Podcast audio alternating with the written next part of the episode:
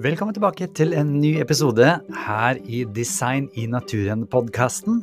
Jeg heter Chris Duve, og jeg vil bare minne deg på at du kan ta hele kurset her helt gratis med 38 forskjellige eh, informasjonsvideoer som da er lagd en podkast ut av, hvis du går inn på chrisduve.no og klikker deg inn på Design i naturen-kurset.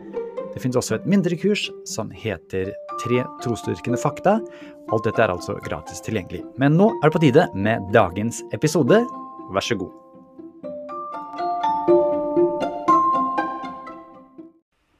Hei, det er Chris her, og i denne leksjonen skal det handle om sjimpanse versus menneske-DNA og ventetidsproblemet. Valentine og Irwin de skrev vi konkluderer at forlenget utvidelse av mikroevolusjonsratene, det betyr altså masse mikroevolusjon, kan forklare hvordan opphavet til nye kroppsformer er mulig, men det samstemmer ikke med bevisene. Vi skal se på bevisene, og vi skal også tenke litt om det er sant at en utvidelse av mikroevolusjonsratene kan forklare kroppsformer. Vi kommer tilbake til sitatet mot slutten av leksjonen. Nå skal vi høre om DNA-likhetene mellom sjimpanser og mennesker, og hva det betyr. Og vi skal høre om ventetidsproblemet, dette med at mikrorevolusjon tar veldig lang tid, og at det også gjelder mennesker og den påståtte utviklingen. Først altså har mennesker og aper nesten samme DNA. Og når man sier 96% pluss, så er det det ny forskning viser. Her i bio så står det 96 til 98 eh, og det er de tar 96, 97, 98 et eller annet sted der ligger det. Spørsmålet er hva betyr det? Så klart, eh, vi har jo ikke DNA fra australopitheciner eller fra de tidligste mennesketypene. Eh, så derfor er det interessant å sammenligne sjimpanser og mennesker. Men 96% er jo da en oppsummering, som vi snart også skal få høre. Så er det da slik at noe av DNA er helt likt. Noe er det forskjell på. Og så finnes det DNA-deler som bare finnes hos mennesker, og noe som bare finnes hos sjimpanser. La oss se hva dr. Casey forklarer om saken. We do not have DNA from Australopithecines to compare to ours, okay?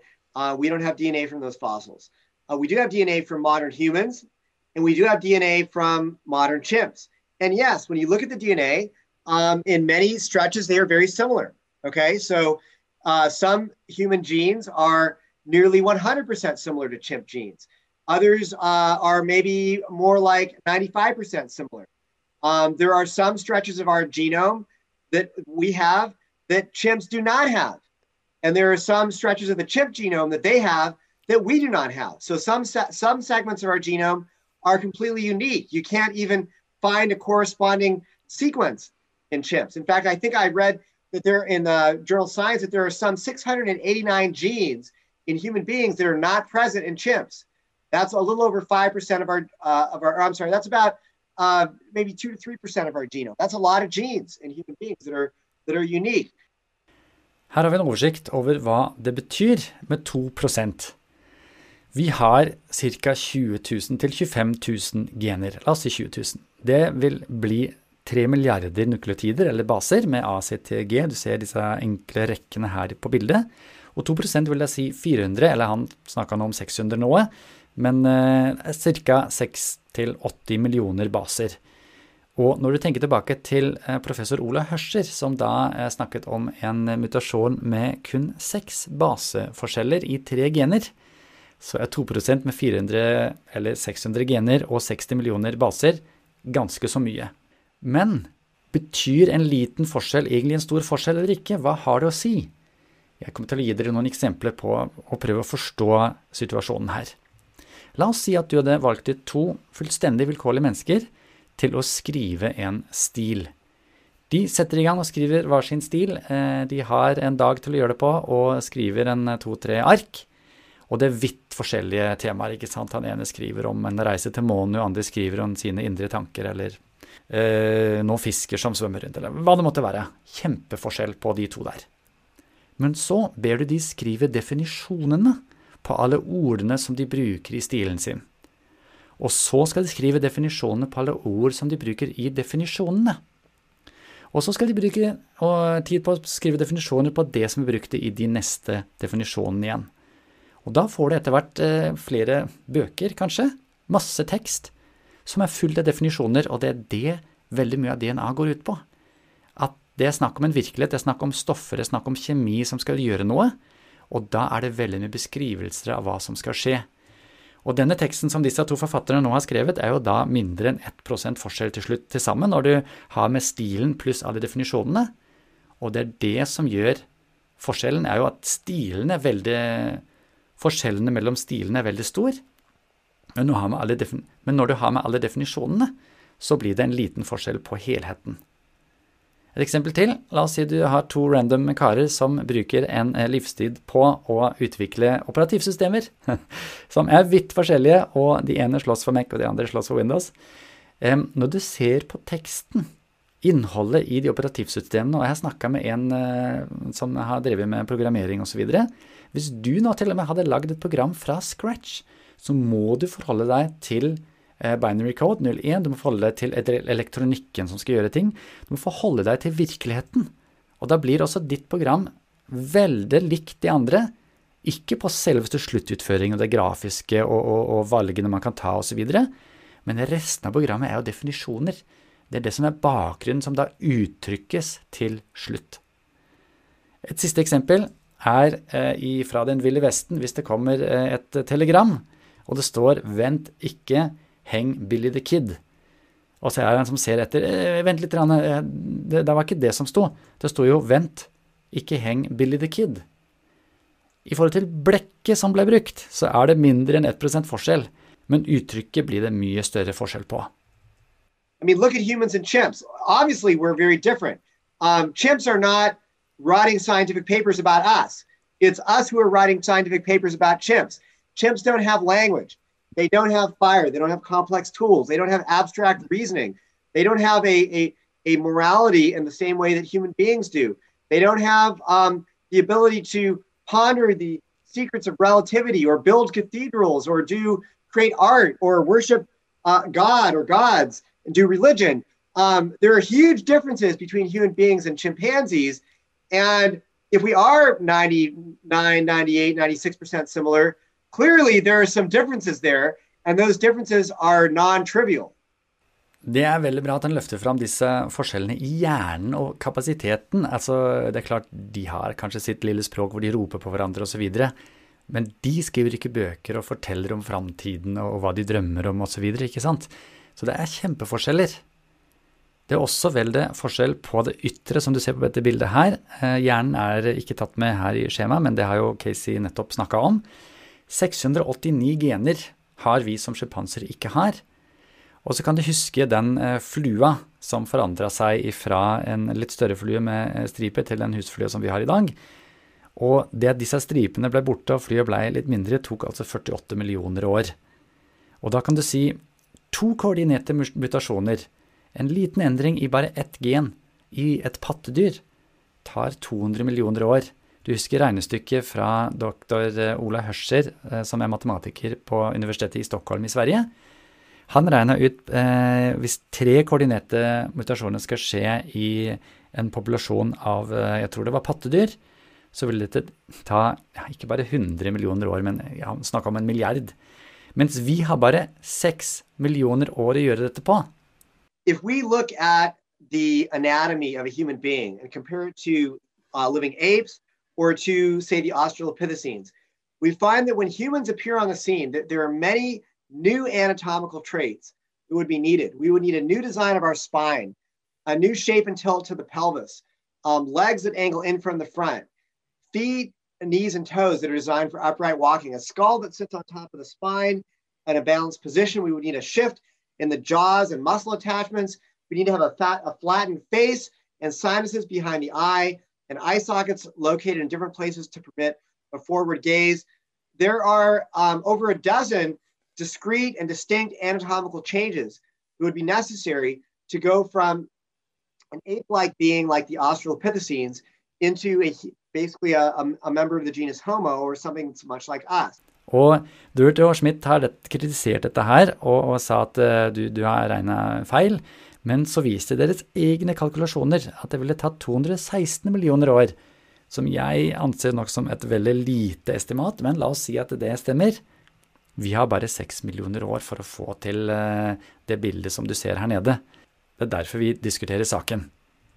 So if you have any trait in modern humans that requires just two mutations before giving an advantage, then according to the mathematics of population genetics, it would take probably over 200 million years to evolve. But I think, as you mentioned earlier, um, according to the mainstream view, our common ancestor with chimps only lived maybe five to eight million years ago. Okay.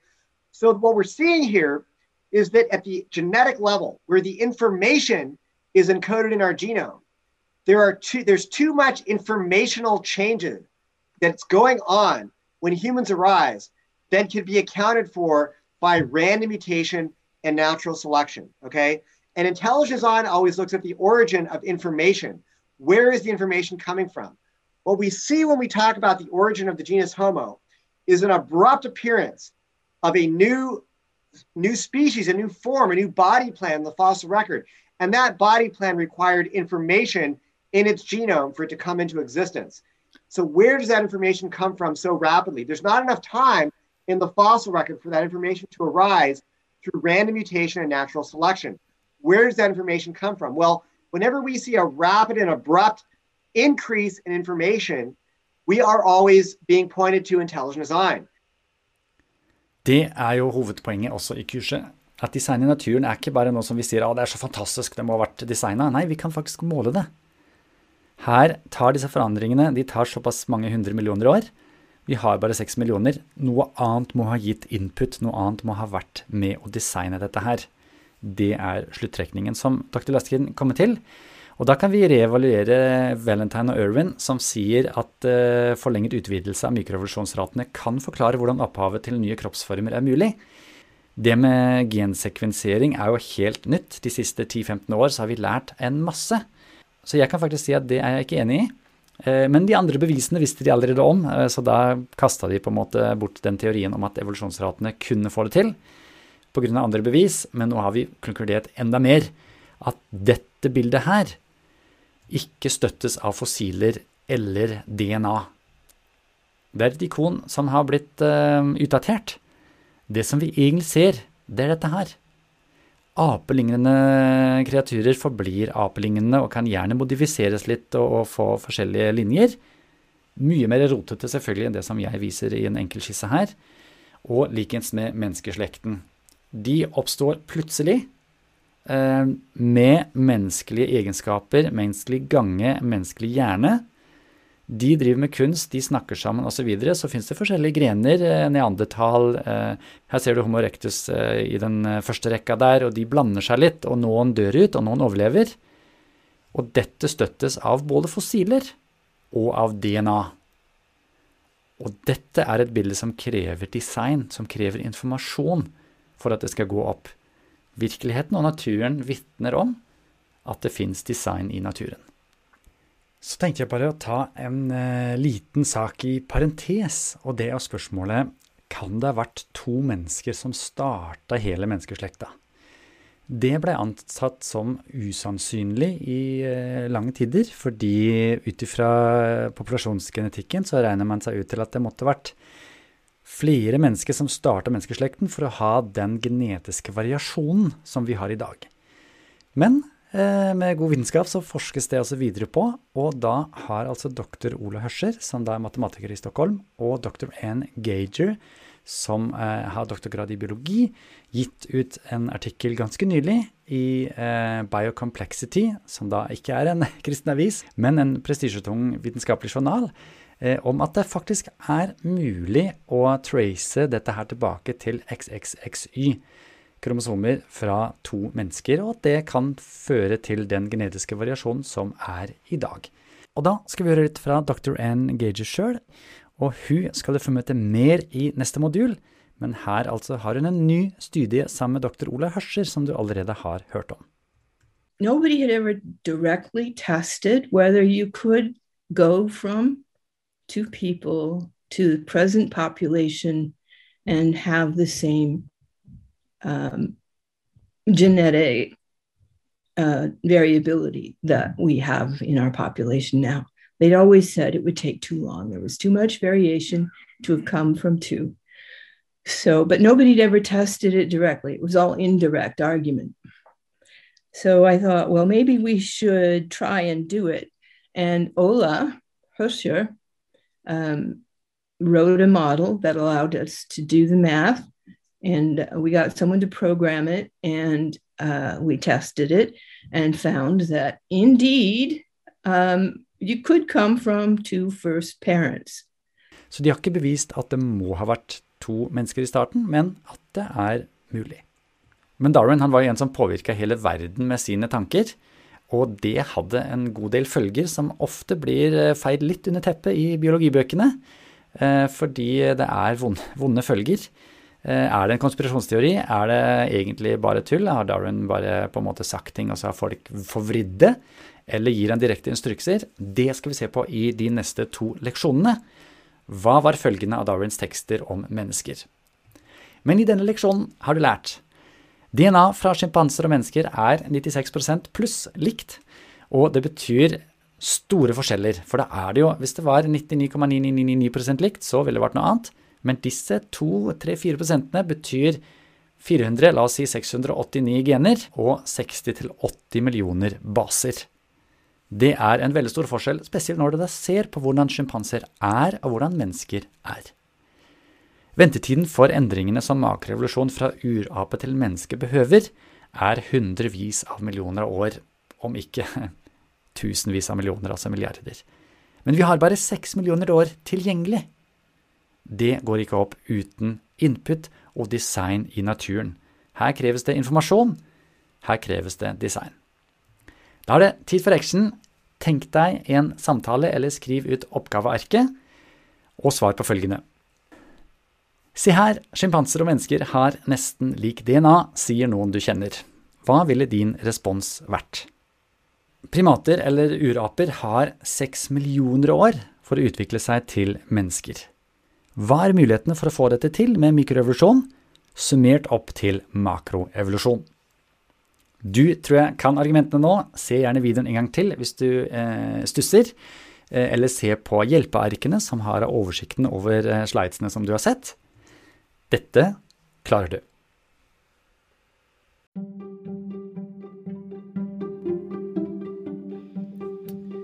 Igjen, dersom du ønsker å få tilgang til de hjelpearkene eller oppgavearkene, så er det jo fullt mulig for deg å signe opp til kurset. Da går det an å laste det ned. Hvis du går inn på chrisduve.no, så ser du all informasjonen der.